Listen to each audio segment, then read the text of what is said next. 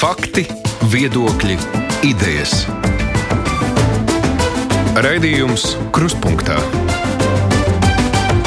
ar izpratni par būtisko.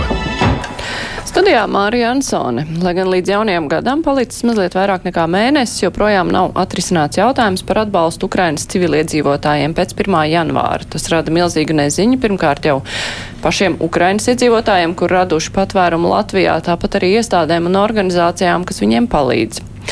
Ukrainas civiliedzīvotāju atbalsta likumā primārais atbalsts mājoklim un ēdināšanai, arī medikamentu kompensēšanai paredzēts līdz šī gada beigām. Projekts, lai termiņu pagarinātu, ir sagatavots, tomēr saima vēl nav sākus pilnvērtīgu darbu, arī valdība nav izveidota, līdz ar to kavējas gan budžeta, gan citu likumu pieņemšana. Kā tas tiks risināts, par to mēs runāsim šodien. Mūsu studijā ir biedrības griba palīdzēt bēgļiem valdes locekle Linda Jākapsona. Labdien! Labdien! Ministru prezidenta parlamentārā sekretāra Evika Siliņa. Labdien! Labdien! Ekonomikas ministra biroja vadītājs Arturs Butāns. Labdien! Sveicināti! Un iekšēt ministrijas nozars politikas departamenta direktors Gatis Švika. Labdien! Labdien! Uh, vispirms uh, par to, kas notiek, ja nu šis likums netiek uh, grozīts un stājies spēkā un nav nākamā gada budžeta, bet ir tikai tehniskais budžets. Ar ko saskarsies Ukrainas civiliedzīvotāji? Varat iezīmēt ainu īsumā? Es ceru, ka um, mēs turpināsim palīdzēt tāpat, kā mēs esam palīdzējuši līdz šim. Un, uh, es ceru, ka mēs nenonāksim tajā situācijā, ko jūs iezīmējāt. Bet pašlaik, ja mēs skatāmies uz to, kas ir paredzēts uh, likumā un atbalsta plānā, tad primārā palīdzība un primārā palīdzība ir atbalsts 120 dienas izmitināšanai vai mājoklim, citiem vārdiem sakot, un 30 dienas ēdināšanai ir paredzētas līdz šī gada beigām. Tāpat likums pasaka, ka ir deviņas īpašas grupas, īpaši jūtīgas grupas, ja tā varētu teikt, kurām šis, pabalsts, uh, šis atbalsts nav 120 dienas, bet uh, neierobežotu laiku. Un, šīs grupas ir piemēram grūtniecis, piemēram skolāni, piemēram seniori. Piemēram, cilvēki ar invaliditāti un citas grupas. Līdz ar to tas lielais jautājums, ja tiešām šie grozījumi nestājas spēkā, ja nav atbilstoši budžeti šiem visiem pasākumiem, tad, protams, ir jautājums, kā šie cilvēki tiek izmitināti, kur viņi tiek izmitināti un um, kā viņi tiek pabaroti. Nu, šie, ir, ir, šie ir galvenie jautājumi, par kuriem mēs. Uh, um, nu, runājam jau vairākus mēnešus, jo to, ka mēs tuvojamies 120. dienas robežai, to mēs jau zinājām nu, pirms trīs mēnešiem. Tā kā visu laiku turpinam arī šo uh, cerību, ka tomēr uh, šīs lietas visas atrisināsies, neskatoties uz uh, izaicinājumiem vald, jaunās valdības izveidošanā, un līdz ar to arī nu, gandrīz jau varam paredzēt, ka droši vien nākamā gada budžeta šajā gadā nebūs. Projekts ir sagatavots iekšēt ministrija par to atbildu saskaņošanai valdībā, bet kāds ceļš tam ir jāiziet, lai tas Projekts jā, tieši tā ir sagatavots, un jau laicīgi iekšlietu ministrija iesāka darbu pie šī projekta. Tur ir tā tīri tehniski uh, nomainīts datums uz gadu vēlāk. Ne tikai, Tajās ne vietās, tikai skaidrs ir arī tas, ka visus šos kara mēnešus un, un kopš mēs arī sniedzam atbalstu Ukraiņas civiliedzīvotājiem. Uh, ir jau radušās virkne situācijas, kur ir saprotams, ka viņš ir uh, jāpielāgo un jāuzlabo visi tie pasākumi, kas, kas tik, tiek īstenoti. Uh, tas, ko noteikti ir jāpasaka, ir tas, ka iekšlietu ministrija uzstāja uz to, ka ir saglabājams šis atbalsta līmenis līdzinējā apjomā, kāds viņš ir. Bet tieši tā kā es teicu, noteikti ir vairākas virknes, virkne, virkne pasākumi, kuri tīri procedurāli jāuzlabo. Un tā skaitā arī tiek gatavots, faktiski jau ir sagatavots jauns likuma projekts arī kur tiks atrunātas vairākas lietas, kas attiecās uz iebraukšanu ar transporta līdzekļiem, kur Ukraiņas civiliedzīvotājiem var nebūt derīgi transporta līdzekļu reģistrācijas dokumenti. Un, Un, tāpat arī attiecībā uz ārstniecības personu nodarbināšanu un, un nodarbināšanu farmācijā. Līdz ar to ir, ir virkne tādas lietas, ko mēs esam sapratuši, kas ir jāuzlabo, un tās arī primāri tiks iestrādātas. Un, un likuma projekts, kā jūs teicāt, ir, ir, ir gatavs iesniegšanai. Bet plāns, tas par termiņu pagarināšanu ir grozījumi iepriekšējā likumā. Jā, Jā, tieši tā, tieši tā. Un attiecīgi arī plāns, kur, kur tieši šodien arī notiek uh, iekšlietu ministrijas valsts sekretāra vietnieka vadībā tāda apjomīga darba grupa visas dienas garumā, kur uh, tiek saskaņoti vēl pēdējie viedokļi starp uh, ministrijām, iestādēm, starp nevalstisko sektoru un visiem iesaistītiem.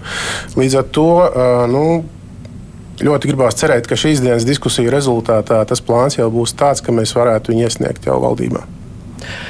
Cik ātri var pieņemt to likumu grozījumus, kur ir nepieciešami nu, tā visātrāk un tagad, jo 1. janvāris būs tūlīt. Ja mēs ņemam vērā, ka saimā komisija nav, valdība nu, esošā, protams, var visu pieņemt, bet eh, kā to tālāk virzīt, ir praktiski ir par to domāts.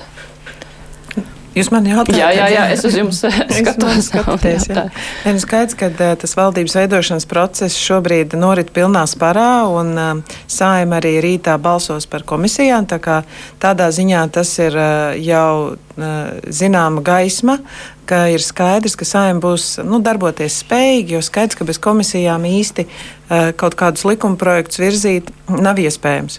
Tāpēc uh, tiklīdz kā saimnes komisijas būs ievēlētas, deputāti būs skaidri, kuri darbojas komisijā, kas vada šīs komisijas, tad es arī domāju, ka pirmie likuma projekti, un tā skaitā arī Ukrainas uh, bēgļu atbalsta likuma projekts, civiliedzīvotāju atbalsta likums, varētu tikt skatīts un visdrīzāk tiks pagarināts termiņš Jo 31. decembris, protams, nu, ir šobrīd daudziem pasākumiem tas beigu termiņš, varbūt ne tur izglītībai un sociālajiem pakalpojumiem, bet izmitināšanai un ēdināšanai, kā jau te tika minēts.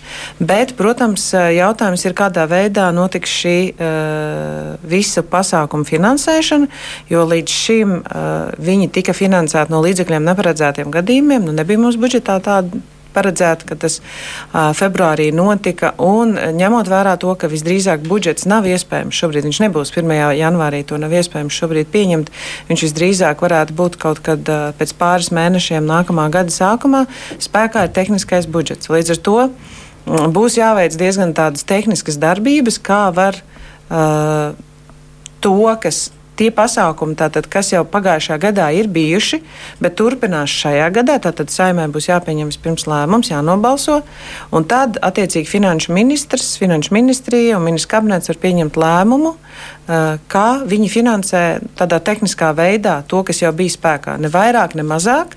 Eh, to, kas mazāk noteikti var, bet ne vairāk. Viņi nevar neko finansēt vairāk, eh, jo nu, ir jāiekļaujas tā tehniskā budžeta, budžeta robežās. Līdz ar to es domāju, ka tas pagarinājums pirmām kārtām varētu būt uz tādu īsāku termiņu, un tad, kad būs jau budžets, bija paredzēts, ka arī šis finansējums tiek paredzēts ministriju bāzēs, lai nebūtu katru gadu par to jārunā. Bet nu, tad es domāju, mēs budžeta procesā arī runāsim jau tālāk, vai tas iet ministrija bāzēs, vai tas iet tāpat kā tagad finansēts, jo šobrīd ir novērojama situācija, ka bēgļu plūsmas tomēr samazinās, viņu kļūst mazāk, un tas nozīmē, ka varbūt arī nākamā gadā kādas korekcijas tajā apjomā būtu jāizdara. Tā kā tāds apmēram ir tas plāns, kā mēs varētu rīkoties, kā jau mēs esam publiski minējuši, arī es esmu publiski minējuši, atbalsts bēgļiem būs. Tas, ka, protams, tā, tā juridiskā bāze šobrīd ir sakārtot līdz 13. decembrim, tā tas ir, bet tiklīdz kā sājām ievēl komisijas, tad mēs arī varam iebalsot tālāk likuma turpinājumu. Koalīcijas partneri uzstās, ka nu, piekrīt, ka tas ir steidzami risināms jautājums, ka tur nevar kaut ko ievilkt garumā, lai ir kaut, kaut sīks pārtraukums. Um, gan Nacionālajā apvienībā, gan, gan ekonomikas ministrijā esam viensprāts, ka atbalsts ir jāturpina. Es domāju, ka tad, kad šī vajadzība radās, mēs kopā ar kolēģiem diezgan aktīvi reaģējām. Sākumā gan ar naktsmītņu atrašanu, gan vēlāk jau, jau pieslīpējot un precizējot šos noteikumus. Mēs uzskatām, ka tas ir jāturpina. Uh, protams, ir, ir vienmēr lietas, ko vēl var pilnveidot. Kā jau kolēģi minēja, šobrīd arī pašlaik notiek tas, tas formāts, kur, kur savstarpēji šos viedokļus salīdzina.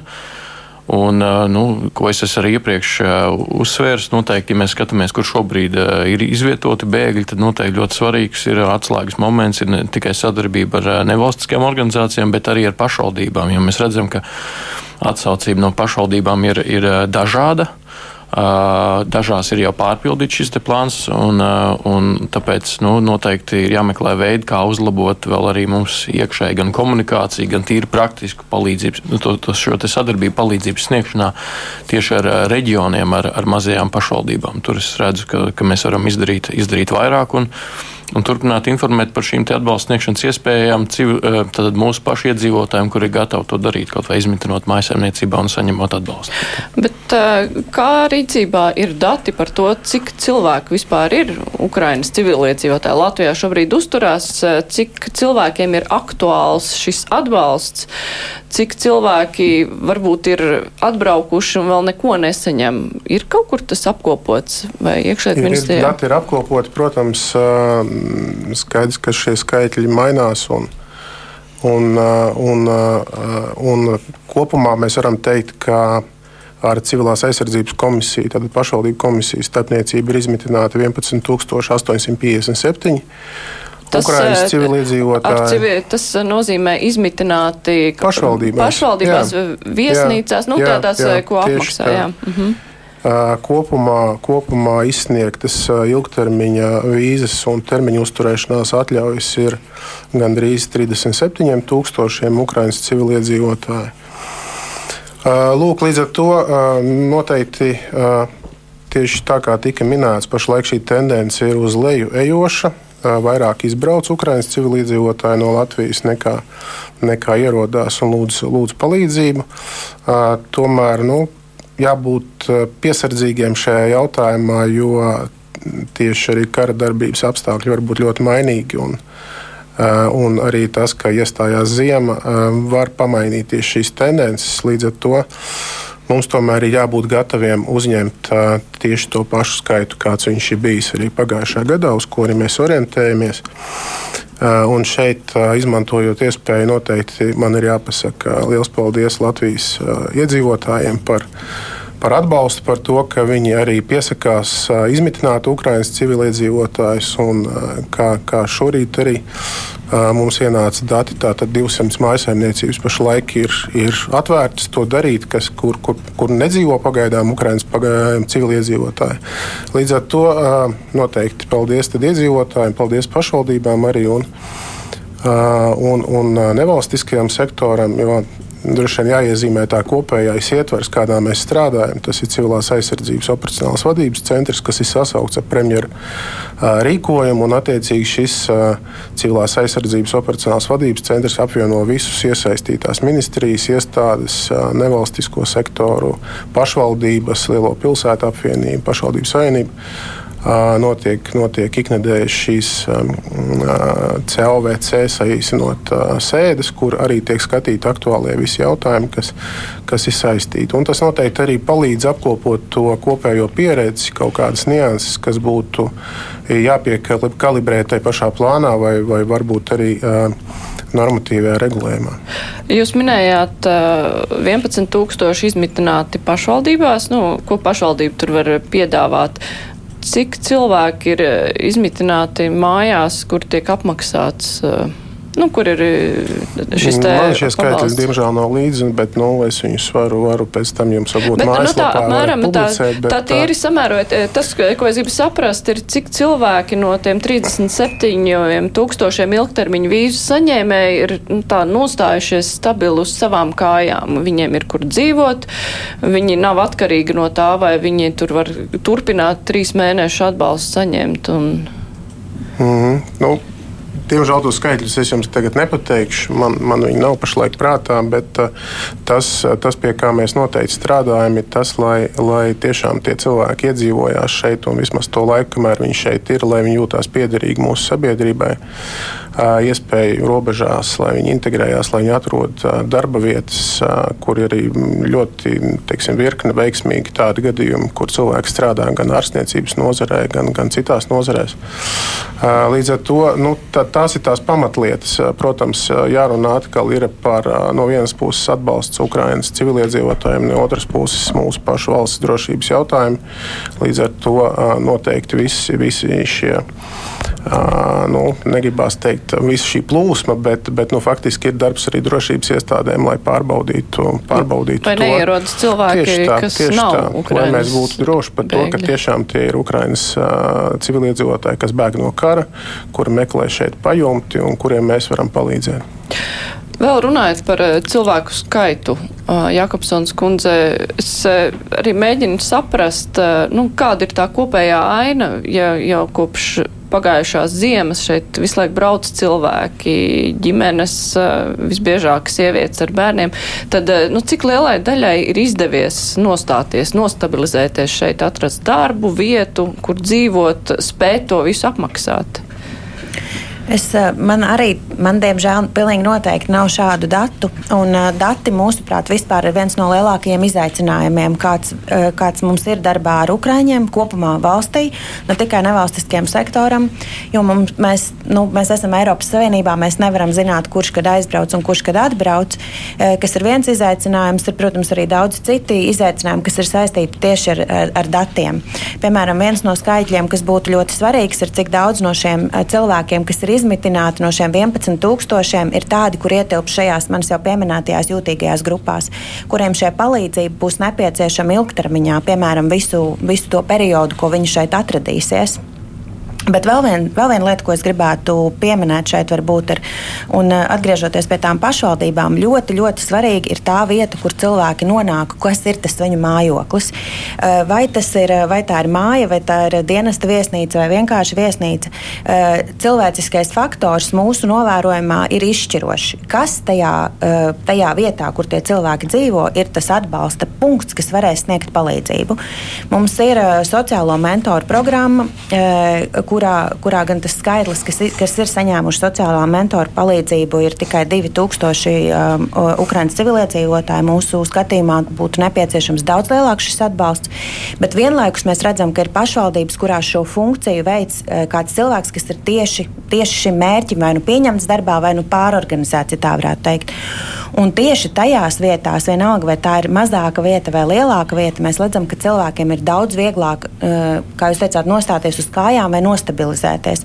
Vienalga, kas tas jautājums būtu, vai tā būtu mājokļa atrašana, vai tā būtu darba atrašana, skola, bērnu dārsts, veselības jautājumi, visas šīs lietas.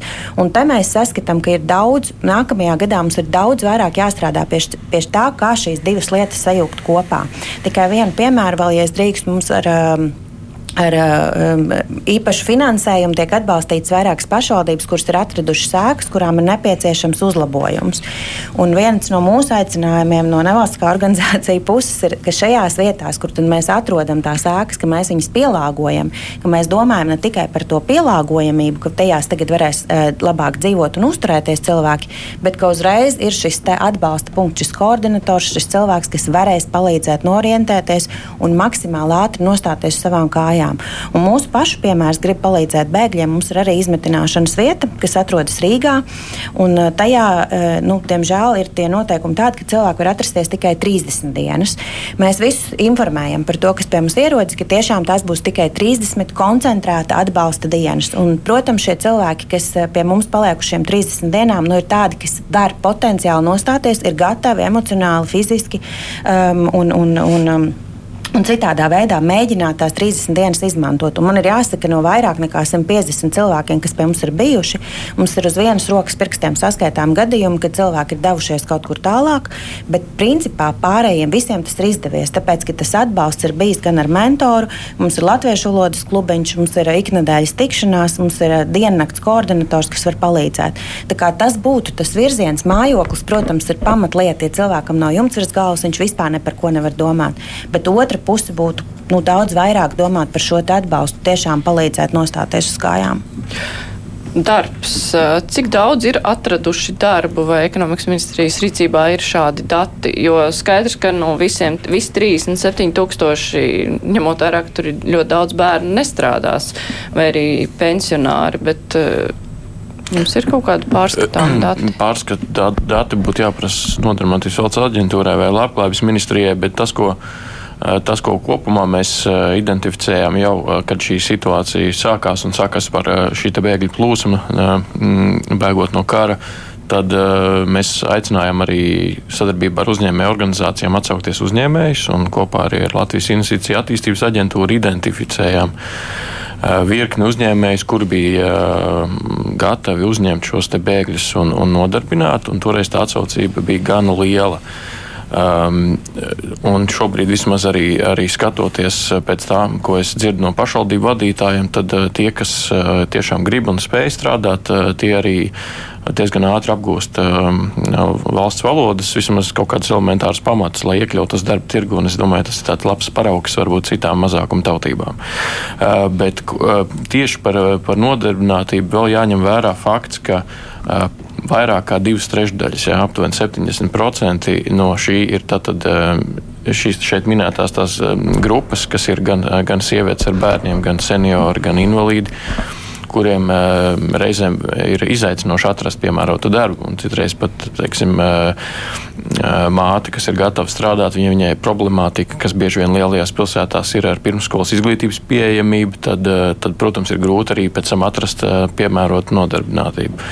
Bet kopumā es domāju, ka um, tas mums ir jāņem vērā šis fakts, ja, ka, ka ļoti daudz ir saistīti ar, ar, ar bērniem, tas pamatā ir sievietes, jo vīrieši nevar izbraukt mobilizācijas vecumu.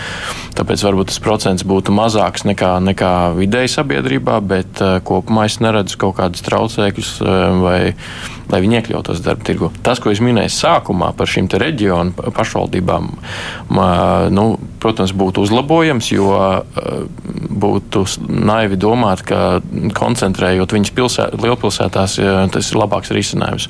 Mūsuprāt, tomēr ir jāskatās, kā cilvēkus um, novietot reģionos, gan lai viņi vieglāk integrētos latviskā, latviskā vidē, gan arī pietiekami daudz darba iespējas mēs esam identificējuši. Ja, arī, arī ēdināšanas nozarē, cik mums ir sanācis sanāca nozares pārstāvjiem runāt, ir diezgan daudz ukraiņu nodarbināti. Kā, arī pirmskolas izglītības, jā, ko es jau minēju, un, un citu apstākļu dēļ, es domāju, ka tieši tas reģionu iespējas ir, ir jāuzlabo. Nu, cita lieta, nevienmēr paši bēgļi arī grib no, no, no, no, teiksim, no Rīgas ārpus braukt, un tad ir jāspēj mums uh, salāgot šīs iespējas ar, ar, ar pieprasījumu. Jā, ja, ja jums ir saikne ar šīm uzņēmēju organizācijām, nu, kuri zina par bēgļu nodarbināšanu, vai ir kaut kādas ziņas arī par nu, jūs jau minējāt ēdināšana, izglītības iestādes, bet, nu, tā vispārīgi, protams, noteikti ir IT speciālisti, kas droši vien labi arī pelna, bet kāds tas atalgojuma līmenis, vai ir,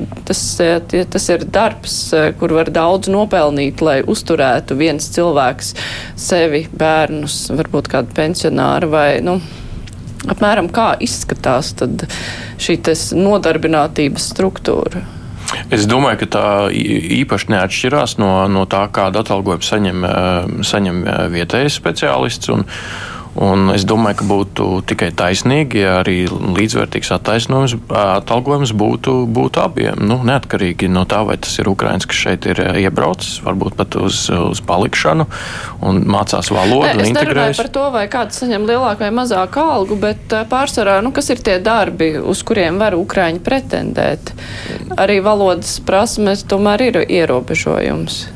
Jā, nu, noteikti tātad tirzniecībā, pakalpojumu sniegšanā, bet ļoti teiksim, lielāks īpatsvars, kas ir novērojams, ir, ir tieši ēdināšanas un viesmīlības sektorā. To nevar, to, to nevar noliegt, un, un, un ņemot vērā, ka tur nozarei trūkst pēc Covid laika, kad liela daļa darbinieku pārorientējās citām profesijām, tad, tad skaidrs, ka šobrīd arī nozarei tas, tas nāk par labu. Un, un līdz ar to arī nu, nav identificēta tāda gadījuma, kad par vienu un to pašu darbu kādam maksāt vairāk vai mazāk tikai pēc, ne, pēc etniskās vai pēc valsts piedarības.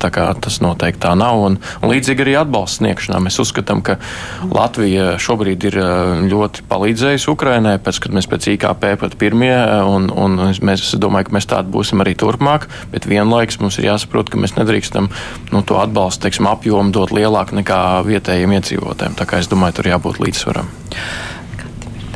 Jā, es varētu mhm. papildināt kolēģis ar, ar, ar dažiem skaitļiem.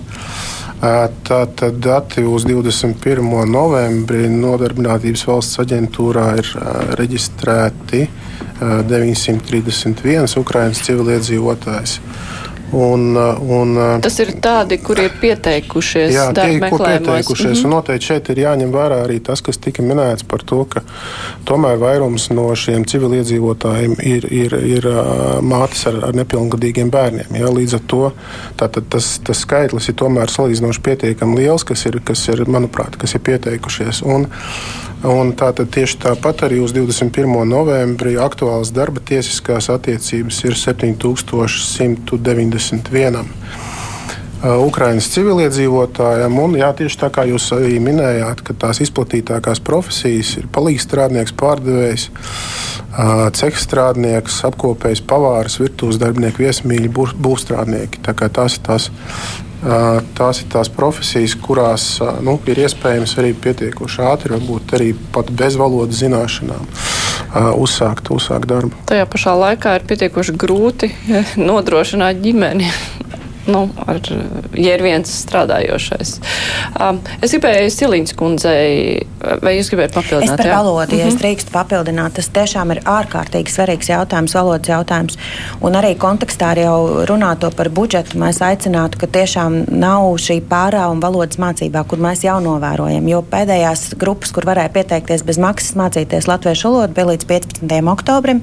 Jau šobrīd mēnesis nevar pieteikties, tā kā tie, kas ir jauni iebraukuši vai tagad izlēmuši un sapratuši, ka bez latviešu valodas tomēr tā nostāšanās kājām būs grūtāka. Protams, sākumā cilvēki šeit ieradās un domāja, ka viņš šeit būs divas nedēļas, divus mēnešus, un latviešu valoda nekādā veidā nebija prioritāte.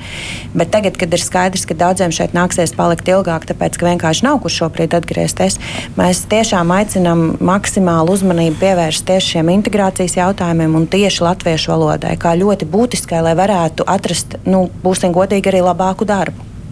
Es eh, gribēju par budžetu vaicāt. Eh, nu, ja sākumā būs tās nu, tehniskās iespējas, ja ir tehniskais budžets, tad atradīs, eh, kā turpināt esošo palīdzību. Bet, ja mēs redzam, nu, ka ilgtermiņā.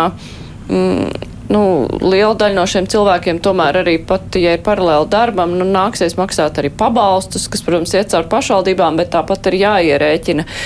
Vai nākamā gada budžetā ir domāts ielikt kaut kādu nu, tādu apjomīgāku finanšu daļu tieši, kas ir paredzēta Ukrainas civiliedzīvotājiem, vai vienkārši turpinās to, kas ir un viss? Tā apjomīgā daļa jau bija iepriekš paredzēta. Tātad visas ministrijas saskaitīja arī pabalstus, jo jau tagad liela daļa Ukraiņas civiliedzīvotāji saņem šos pabalstus tieši tāpat kā mūsu iedzīvotāji, gan mājokļu pabalstu, gan uh, ir tāds speciāls pabalsts, ja tu sāc darba attiecības. Tas viss bija ierēķināts arī šobrīd līdzekļiem neparedzētiem gadījumiem. Veidojot likumu, mums apmēram ir nu, tāds finanšu aplēses jāuzstājas. Tas, ko es šobrīd nevaru pateikt, patiešām nezinu, kā mums veidzot, veidosies nākamās budžeta sarunas, jo uh, tas atbalsts Ukraiņas civiliedzīvotājiem ieņem diezgan ievērojamu summu. Un ir skaidrs, ka būs jārēķina arī atbilstoši pēc tā, cik faktiski mums cilvēki ir, cik viņi paliek. Jo iepriekš mēs rēķinājām 40 tūkstošiem apmēram, kas varētu iebraukt. Šobrīd tātad mums jau dzīvo kaut kāda daļa cilvēku, un cik es saprotu, tad arī vēl ir plāns vēl apmēram 40 tūkstošiem arī šo potenciālo pabalstu rēķināt. Bet es šobrīd nevaru tiešām pateikt, kādas būs šīs budžeta sarunas. Tā būs noteikti liela debata, jo mums, protams, paralēli ir arī jādomā par mūsu iedzīvotājiem, par apkurses rēķiniem. Mums jau ir paredzēts, iepriekšējā valdība ir pieņēmusi vairākus pabalstu veidus, bet, protams, ka ir vēl nu, dažādi riski, kur vēl var kāds īpašs sadārdzinājums būs. Mums jābūt gataviem arī tiem. Tā kā nu, šīs vairākas lietas, tā sakot, ir rotējošie šķīvi, vienlaikus jāsalāgo. Bet par latviešu valodu, ko es varu pateikt, iepriekšējā valdība arī pieņēma lēmumu par mūsu pastāvīgiem iedzīvotājiem, kas ir kas uzturās šeit, faktiski, kas ir, kuriem ir daļai dubultā pilsonība ar Krieviju, ka viņiem, lai viņi saņemtu tātad atkārtot šo uzturēšanās atļauju, viņiem būs jānokārto latviešu valodas eksāmenis. Tā kā mums tā konkurence vispār uz latviešu valodas skolotājiem būs milzīga. Mēs arī valdības deklarācijā topošajā par to runājam, ka mums vajadzēs patiešām kaut kādā īpašā veidā subsidēt vai atbalstīt, motivēt, lai mums būtu cilvēki, kas būtu gatavi mācīt latviešu valodu. Ne visiem ir jābūt profesoriem. Es domāju, ka mācīt latviešu valodu var arī nu, tādā vienkāršotākā veidā. Un valdības deklarācijā esam runājuši arī par Ukraiņas vispār atbalstu bēgļiem. Tā kā mēs par to, protams, runājam, un tas no prioritātēm nekur nav pazudis. Bet Uh, izstāstīt tādas pavisam lielas detaļas es nevarēšu, tikai zinu, ka mēs kopīgi esam lēmuši, mēs arī ar Butānu kungu esam deputāti, mums būs jābalso noteikti arī par pagarinājumu šobrīd uh, šim atbalstam. Tā kā, nu, Daudz vēl ir varbūt tādu lietu, ko es dzirdu arī no nevalstiskajām organizācijām, kas būs jāuzlabo, bet tās visdrīzāk būs jārisina jau budžeta kontekstā. Bet, uh par to finansējumu piešķiršanu, tad vēl var būt strīdi. Var kāds arī iebilst, nu, ka ir pa daudz ukraiņiem, ka vajag samazināt.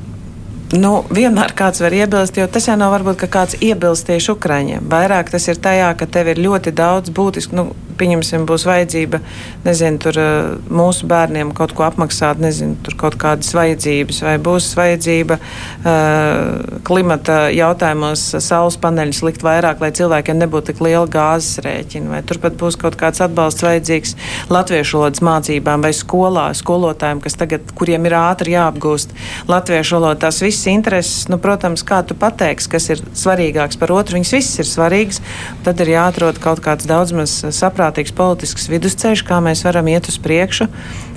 Neatstājot aizmugurē nevienu no šīm grupām, bet nu, pakāpeniski varbūt kaut kādā veidā sadalot tās vajadzības. To visu dzirdot, jums paliek bail. Man ir, mums, jāsaka, mums, ir, mums gāja ļoti labi sākumā. Mēs ļoti izrādījām lielu solidaritāti, mēs visi darbojāmies kopā, un tad mēs kaut kā visu laiku klupšu skriešus tālāk ejam. Mēs pēc 90. dienas aizķērāmies, tagad mēs ar 120 dienām aizķeramies, un tagad es ar ļoti lielām bažām klausos, ka mēs kaut kādu īsāku termiņu atkal noteiksim, un es jau redzu, kā mēs atkal pienākot tā īsākā termiņa beigām atkal sāksim to pašu sarunu. Man ļoti gribētos, ka mēs nu, vienojamies par kaut kādu tādu risinājumu, kas mums derētu bišķiņi ilgāk, tāpēc, ka tagad mēs jau deviņus mēnešus dzīvojam šajā, praktiski deviņus mēnešus dzīvojam šajā situācijā, nu mēs kaut kā varam paskatīties drusciņi vairāk uh, ilgtermiņā. Bet arī atgriežoties pie tā mājokļa jautājuma, nu, mums bija vienā brīdī bija vasarā doma, ka vairāk cilvēki varētu dzīvot, tiešām vairāk īrēt paši savus dzīvokļus un vairāk būtu izīrētāju. Un šeit jāsaka, mēs saskaramies ar ļoti daudziem izaicinājumiem, ar kuriem saskarās jebkurš iedzīvotājs Latvijā. Um, nu, nav, nav tas mājokļu tirgus mums tik milzīgs, un nav arī uh, nu, to, tā vēlme varbūt tik liela uh, izīrēt savu mājokli, piemēram, uz sešiem mēnešiem, ja turpat ir kāds cits, kas ir gatavs izīrēt uz gadu. Tāpat ir jāsaprot, ka daudz daudziem Ukraiņas cilvēciedzīvotājiem, kas šeit ierodas, ka viņiem ir ļoti maza rocība. Un, tā, un tas tie pabalsti, ko viņi sākumā saņem, ja pirm, pirms kamēr vēl nav sācis strādāt un saņemt to nodarbinātības pabalstu un neļauj samaksāt pirmo depozītu. Un tas ir tas jautājums, par ko mēs visu laiku runājam, kad dodot kaut kādu iespēju, garantiju, depozītu, vienalga ko, varētu palīdzēt ātrāk šīs problēmas atrisināt. Jo ir skaidrs, nu, ka integrācijas process un arī nu, tas uzņemšanas process sākumā ir nedaudz dārgāks, kamēr cilvēks pats ir nostājis uz kājām. Bet, ja mēs neveicinām to nostāšanos uz kājām, tad tas ir pastāvīgs sloks mūsu budžetam. Protams, mēs zinām, ka ir vairākas grupas. Nu, kuras to nevarēs. Tas ir skaidrs. Bet tiem, kas var, arī domājot par to uh, reģio, reģionālo pārklājumu un tam līdzīgi, nu šeit bišķiņi arī mums gribētos, ka mēs varam sākt skatīties uz to, ko cilvēks var darīt. Un, uh, nu, ja viņš var, ja ir gatavs strādāt uh, nu, rūpnīcā, piemēram, tad aizsūtot uz laukiem, varbūt nebūs tas labākais efekts. No otras puses, mēs esam saskārušies ar situācijām, ka cilvēki no laukiem Ukrainā ir atbraukuši un ir laimīgi, ka var dzīvot mūsu laukos. Tās situācijas ir ļoti dažādas. Šobrīd mēs tur, kur mums ir brīvā vieta, jo to brīvo vietu ir ļoti maz. Tur mēs esam laimīgi, ka tam cilvēkam ir miltceres galvas. Bet pamazām mums būtu jāmēģina palīdzēt tiem cilvēkiem atrast tomēr to vietu, kas mums ir vispiemērotākā. Nu, par to, ka cilvēki grib dzīvot Rīgā, nu, jebkura mūsu pilsēta salīdzinot ar Ukraiņas pilsētām ir maza. mums vienkārši pie tā ir jāpierod un jāpieņem tas.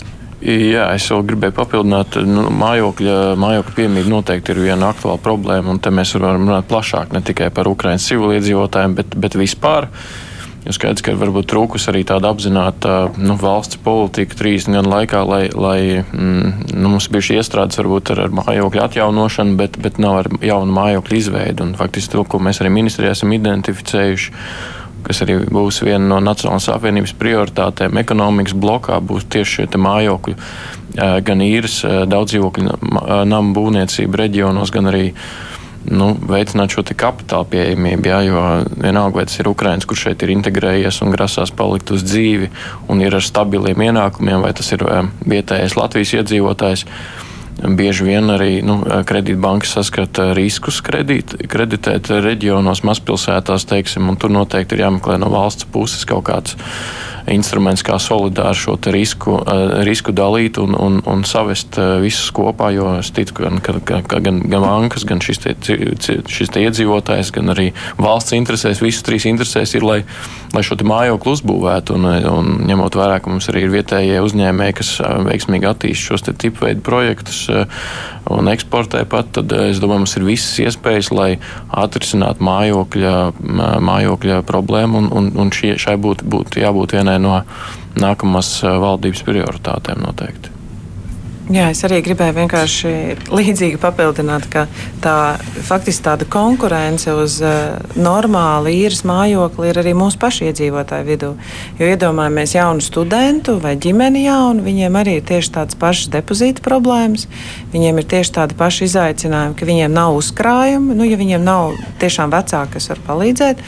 Līdz ar to mēs uh, esam iepriekš jau vienojušies gan politiski, gan arī ar nevalstiskajām organizācijām. Nu, varbūt tādas sabiedrības vienošanās bija, ka mēs palīdzam Ukraiņiem tāpat kā mūsu iedzīvotājiem, bet arī tomēr nu, ne vairāk. Jo ir svarīgi arī mūsu cilvēkiem iedot to sajūtu, ja mēs risinām, pieņemsim šādu depozītu problēmu jaunajām ģimenēm, tad mēs risinām arī mūsu cilvēkiem. Jo, tādu nevienlīdzību radīt arī nebūtu veselīgi. Vienā brīdī, kaut kad vasarā, parādījās arī tādas, nu, šī tāda gruzdēšana, tā, kad cēlās visas cenas arī mūsu iedzīvotāju starpā, ka kāpēc mēs palīdzam varbūt tik daudz Ukraiņiem. Negāja runa varbūt, ka nevajag palīdzēt, bet kāpēc tik daudz un ka vairāk vajag mūsu iedzīvotājiem. Un tad mūsu politiķu uzdevums ir, nu, kaut kādā veidā salāgot šīs visas intereses. Mēs, protams, esam pateicīgi nevalstiskajām organizācijām, un bez viņu iesaistas noteikti mēs nevarētu nu, tik veiksmīgi vispār šo visu procesu koordinēt. Viņi faktiski arī saskarās ar zināmām tādu mūsu ikdienas, nu, ikdienas problēmām, jo tieši tāpatās, ka tādi mentori bieži vien ir vajadzīgi jauniem cilvēkiem, kas uzsāk dzīvi, varbūt reizēm arī cilvēkiem, kuri maina kaut kādu nodarbošanos. Tieši tāpat šobrīd ir vajadzīgs nu, tādiem cilvēkiem, kas atbrauc Latvijā, varbūt mazliet nu, sākotnēji nezinu, kā norentēties. Tieši tāpat par mājokļiem ir šīs problēmas. Latviešu valoda ir tāpat, kā jau minēju, mūsu pastāvīgiem iedzīvotājiem, kuriem tagad būs jāmaina tās um, uh, iedzīvotāju uzturēšanās kārtas, lai viņi vispār varētu dabūt, turpināt viņus, viņiem būs jāliek eksāmeni. Tā kā nu, šis ir diezgan plašs spektrs. Es domāju, mēs tiksimies vēl nevienu reizi vien šeit studijā un runāsim. Bet es domāju, nav jāuztraucās par to, ka atbalsts Ukrāņiem nebūs. Viņš būs un, uh, un uh, nu, būs jāatrod tie veidi, kā mēs finansiāli arī varam to turpināt turpināt. Tā kā Latvija ir uzņēmusies šīs saistības gan iekšpolitiski, gan ārpolitiski, es domāju, nu, te nav šaubu par to, ka mums tas jāturpina. Skaidrs, ka mums būs jāturpina diskusijas, kā labāk, kā veiksmīgāk, kā ātrāk, kur ir kļūdas un, un kaut kas jāuzlabo, bet nu, tas jau tāds process, kas dzīvē nu, noteikti ir jāpielāgo. Jā, es atgādināšu klausītājiem, vēlāk Latvijas televīzijas skatītājiem, ka šodien kopā ar mums ir no biedrības grib palīdzēt bēgļiem valdes locekli Linda Jākapsona, premjera parlamentārā sekretāra Evika Siliņa, ekonomikas ministra biroja vadītājs Artūrs Butāns un uh, no iekšliet ministrijas nozars politikas departamenta direktors Gatis Švika. Mēs tūlīt turpināsim. Raidījums Krustpunktā. Švikskungs, jūs sākumā minējāt, ka top jauns likums. Vai tur ir runa par eh, šo te, uh, nu, par ilgākam laikam perspektīvu Ukrainas civiliedzīvotājiem, kas ar viņiem būs ilgtermiņā. Tas, par ko runāja Jākopsons kundze, vai arī šeit vienkārši tiek risināts kaut kādas problēma lietas, kuras ir parādījušās šī gada laikā? Nu, šeit noteikti jāprecizē, ka ir uh, grozījumi likumā.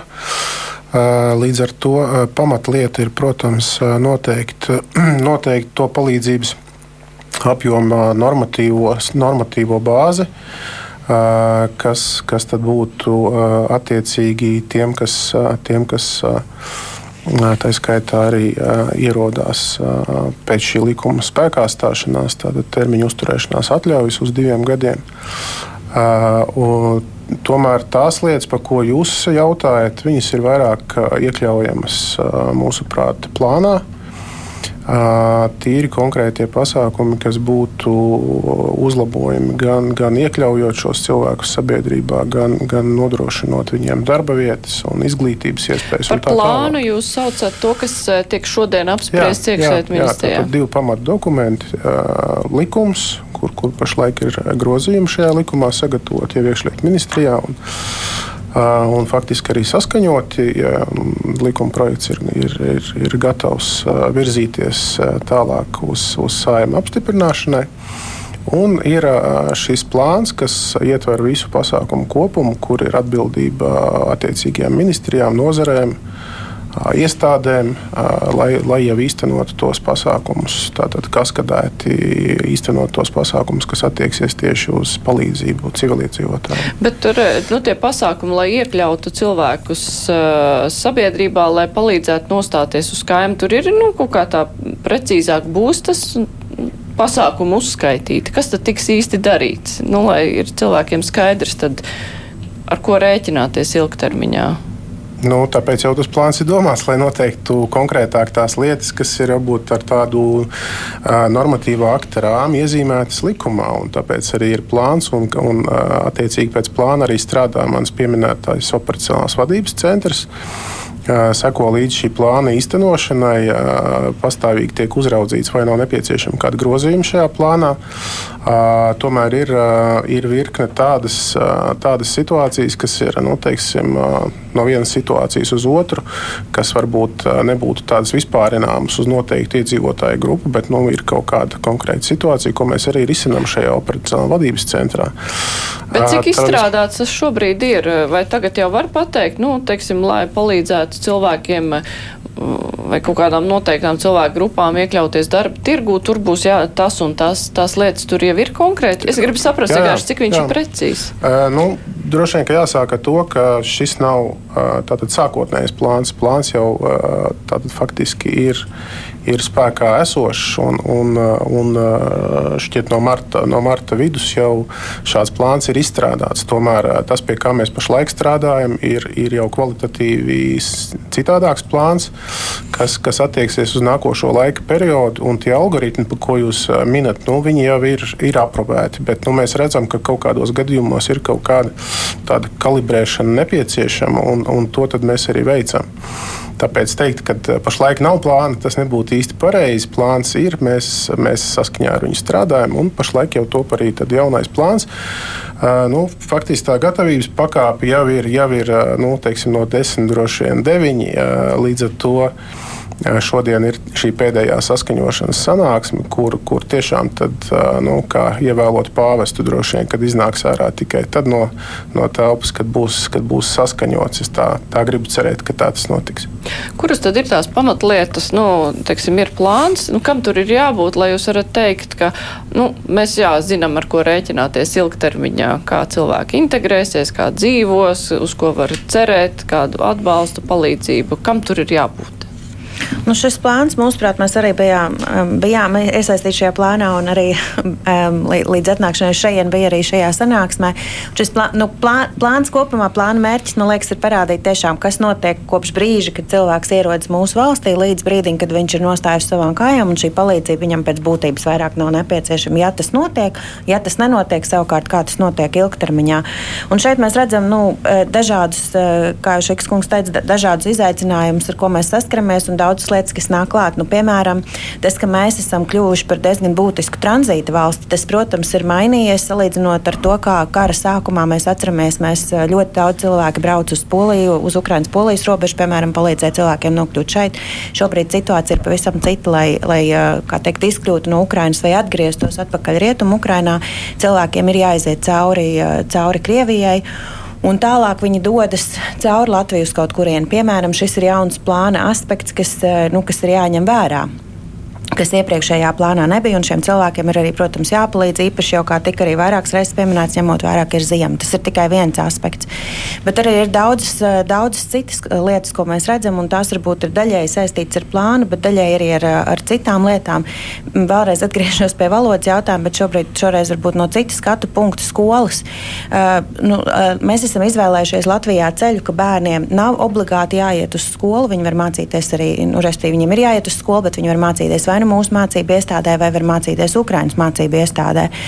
Uh, kam ir gan plusi, gan mīnusi. No vienas puses, uh, protams, ja tās ir piemēram izlaiduma klases, tad vieglāk, protams, ir mācīties iespējams pabeigt šo skolu tiešsaistē Ukrainā. No otras puses, šiem bērni neintegrējas mūsu vidē. Um, mēs maz zinām īstenībā, kāda ir viņu apstākļi mājās šobrīd un, un kādu nospie, nospiedumu tas atstās uz viņu psihoemocionālo situāciju. Ukraiņas bērni, tāpat kā mūsu bērni, ir divus gadus pavadījuši, pavadījuši Covid apstākļos mājās. Tas, piemēram, ir viens aspekts, par ko mēs ļoti daudz domājam, jo mēs arī, godīgi sakot, nezinām, cik ir šie bērni, kur šobrīd mācās, kur dzīvo Latvijā, bet kur šobrīd mācās Ukraiņas mācību iestādēs. Tas ir tikai vien, viens no tādiem pavisam konkrētiem jautājumiem, pie kā mēs vairāk domājam, būtu jāstrādā. Un tāpat viens no jautājumiem, kas arī plānā parādās un kur tieši nevalstiskās organizācijas ir vairāk iesaistīts, ir informatīvais aspekts kā mēs runājam ar, ar, ar cilvēkiem, kas šeit ierodas, kā viņi saņem informāciju, cik daudz informācijas viņi saņem un kā to nodrošināt maksimāli optimālā veidā, lai tiešām tā, nu, tā labāka integrācija vai labāka iekļaušanās mūsu sabiedrībā varētu notikt pēc iespējas ātrāk un pēc iespējas mazāk būtu arī kaut kāda dezinformācija vai vienkārši nepareiza informācija. Mums te klausītāji arī, klausītāji arī vaicā, ka viņai dzīvo mājās uh, Ukrainiete, viņa dzīvo jūrmalā galā.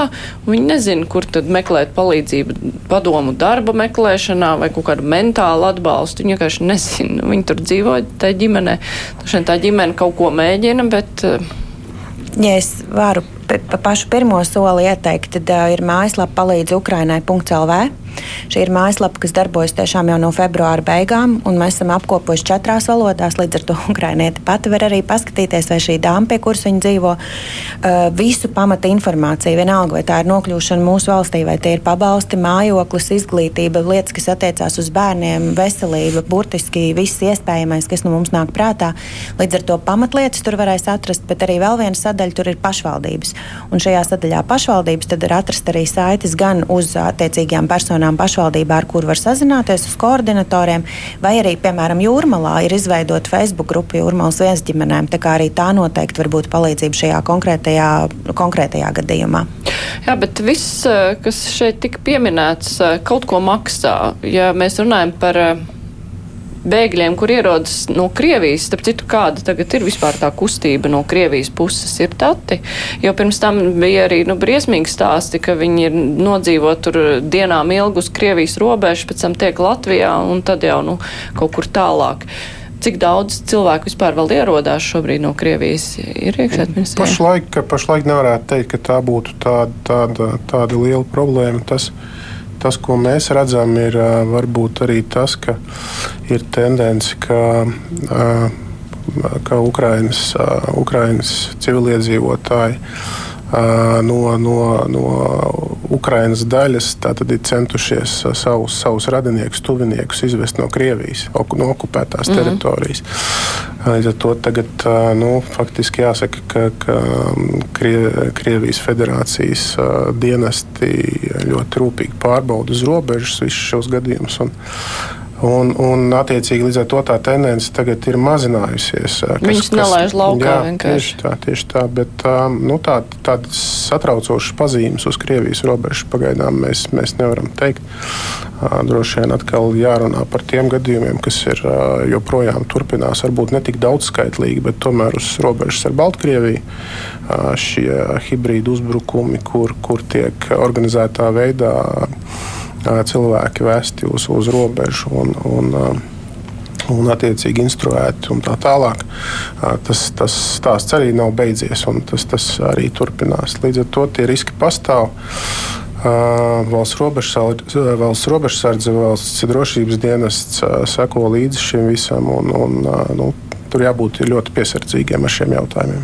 Nu jā, bet eh, runājot tieši tajā bēgļu eh, sadaļā, tad tas visi tie pasākumi, kas ir plānā, tam visam ir kaut kāda nauda apakšā. Tā ir? Tā jau ir tā nauda, ko es minēju. Tā visa ir... jau ir saplānota. Jā, tur nekas ir... nav pagaidām. Tad, tad tā mēs nav. šobrīd mm -hmm. nevaram. Uh, tas iepriekšējais plāns bija ap 200 miljoniem. Un uh, šobrīd ir jāsaprot, nu, skaidrs, ka tas ir ļoti liels uh, apjoms. Līdz ar to tā arī ir tā problēma pagarināt uz visu gadu, jo ir jāsaprot, ja mums, pieņemsim, kaut kad februāra beigās, martā, to budžets mums ir jāiekļaujas arī šajā budžeta rāmī. Šobrīd mēs varam iet kā tehniskajā budžetā katru mēnesi griež no šīs summas kaut kādā veidā tā, bet uh, tā ir pietiekoši liela summa, par to ir jādiskutē. Un, uh, nu, diemžēl tā situācija ir tāda, ka valdība šobrīd vēl nav, un, un, un bieži tā ir pēc vēlēšanām. Tas ir zināmā mērā normāls process bet uh, vai tur būs. Uh, nu, kā, kā, kā, kā, kāda vēl tur papildus kaut kāda izdevuma ir, nu, tie tad jau martā varētu būt skaidri. Bet, uh, Iespējams, kaut kas arī nebūs vairs vajadzīgs, jo tā kā mēs jau spriedām, viena daļa bija tāda pirmreizējie atbraukušie cilvēki, un iepriekšējais plāns bija rēķināts vēl, kad uh, cilvēki ilgāk tiek arī šeit pabaroti un varbūt vairāk iebrauc uzreiz masveidā. Tad tagad vairāk ir tādi integrācijas jautājumi, kas ir nepieciešami tiem, kas dzīvo šeit uz vietas, bet tie varbūt netik daudz pat iet bēgļu plānā, viņi arī iet kaut kādās mūsu sistēmās, ja, mūsu izglītības sistēmā, kura gan arī daļa ir aptverta šajā plānā. Jā, es vēl pie, pie iepriekš minētā par drošību gribēju teikt, ka mēs jau esam arī iepriekš runājuši ar kolēģiem par to, ka jāpastiprina šī uzraudzība tiem, kas ir mobilizācijas vecuma vīrieši, jo arī mums sanāca nu, iedzīvotāju, iedzīvotāju interesi bija par to, kā tad valsts. Tātad uzrauga šos vai starp tiem, kam patiesi vajadzīga palīdzība, ne, izmantojot situāciju, neiekļūst arī kādi kādi, kas varētu potenciāli radīt riskus. Un, un, un tad viens no arī priekšlikumiem, ko šobrīd eh, man kolēģi arī eh, notiekošajā formātā piedāvā, ir par to, ka, ja gadījumā kāds, kas no Ukrainas ir ieradies un, un patiesībā nav Ukraiņas bēglis, kuram mēs gribētu dot palīdzību, bet ir eh, Putina režīma atbalstošs, un ja viņš šeit tiek, tiek noķerts kādā nezinu, totalitārisma režīma attaisnojošā vai līdzīgā pārkāpumā un sauks pie krimināla atbildības, tad mēs noteikti mums jāizstrādā likumā ir tāda noteikumos norma, ka mēs tādos gadījumos šo atbalstu atsaucam un tādam cilvēkam palīdzību nesniedzam finansiāli. Nu jā, tie ir tie drošības aspekti, bet nu, labā ziņa pēc šīs sarunas, kas arī ir tapusi skaidra klausītājiem, ka nebūs tā, ka 1. janvārī viss ir apstājies un ka pēkšņi nevar sniegt palīdzību, kas ir sniegta līdz tam, bet, protams, ka par to, kas būs tālāk, kas notiks arī nākamā gada budžetā, kāds izskatīsies iekšliet ministrijā izstrādātais plāns, to tad mēs redzēsim arī jau tālāk. Es teikšu paldies. Šodien kopā ar mums bija no biedrības gribu palīdzēt bēgļiem valdes locekla Linda Jākapsone, ministra prezidenta parlamentārā sekretārē Vika Siliņa saimnes deputāte vienlaikus arī šobrīd ekonomikas ministra biroja vadītājs, arī vienlaikus saimnes deputāts Artūrs Butāns un iekšliet ministrijas nozars politikas departamenta direktors Gatis Švika. Paldies, ka varējāt būt šajā stundā kopā ar mums. Bet raidījums ar to izskan. Raidījuma producenti Revija Junām un studijā bija Mārija Ansona. Visu labu, citamies, tiksimies citu dienu.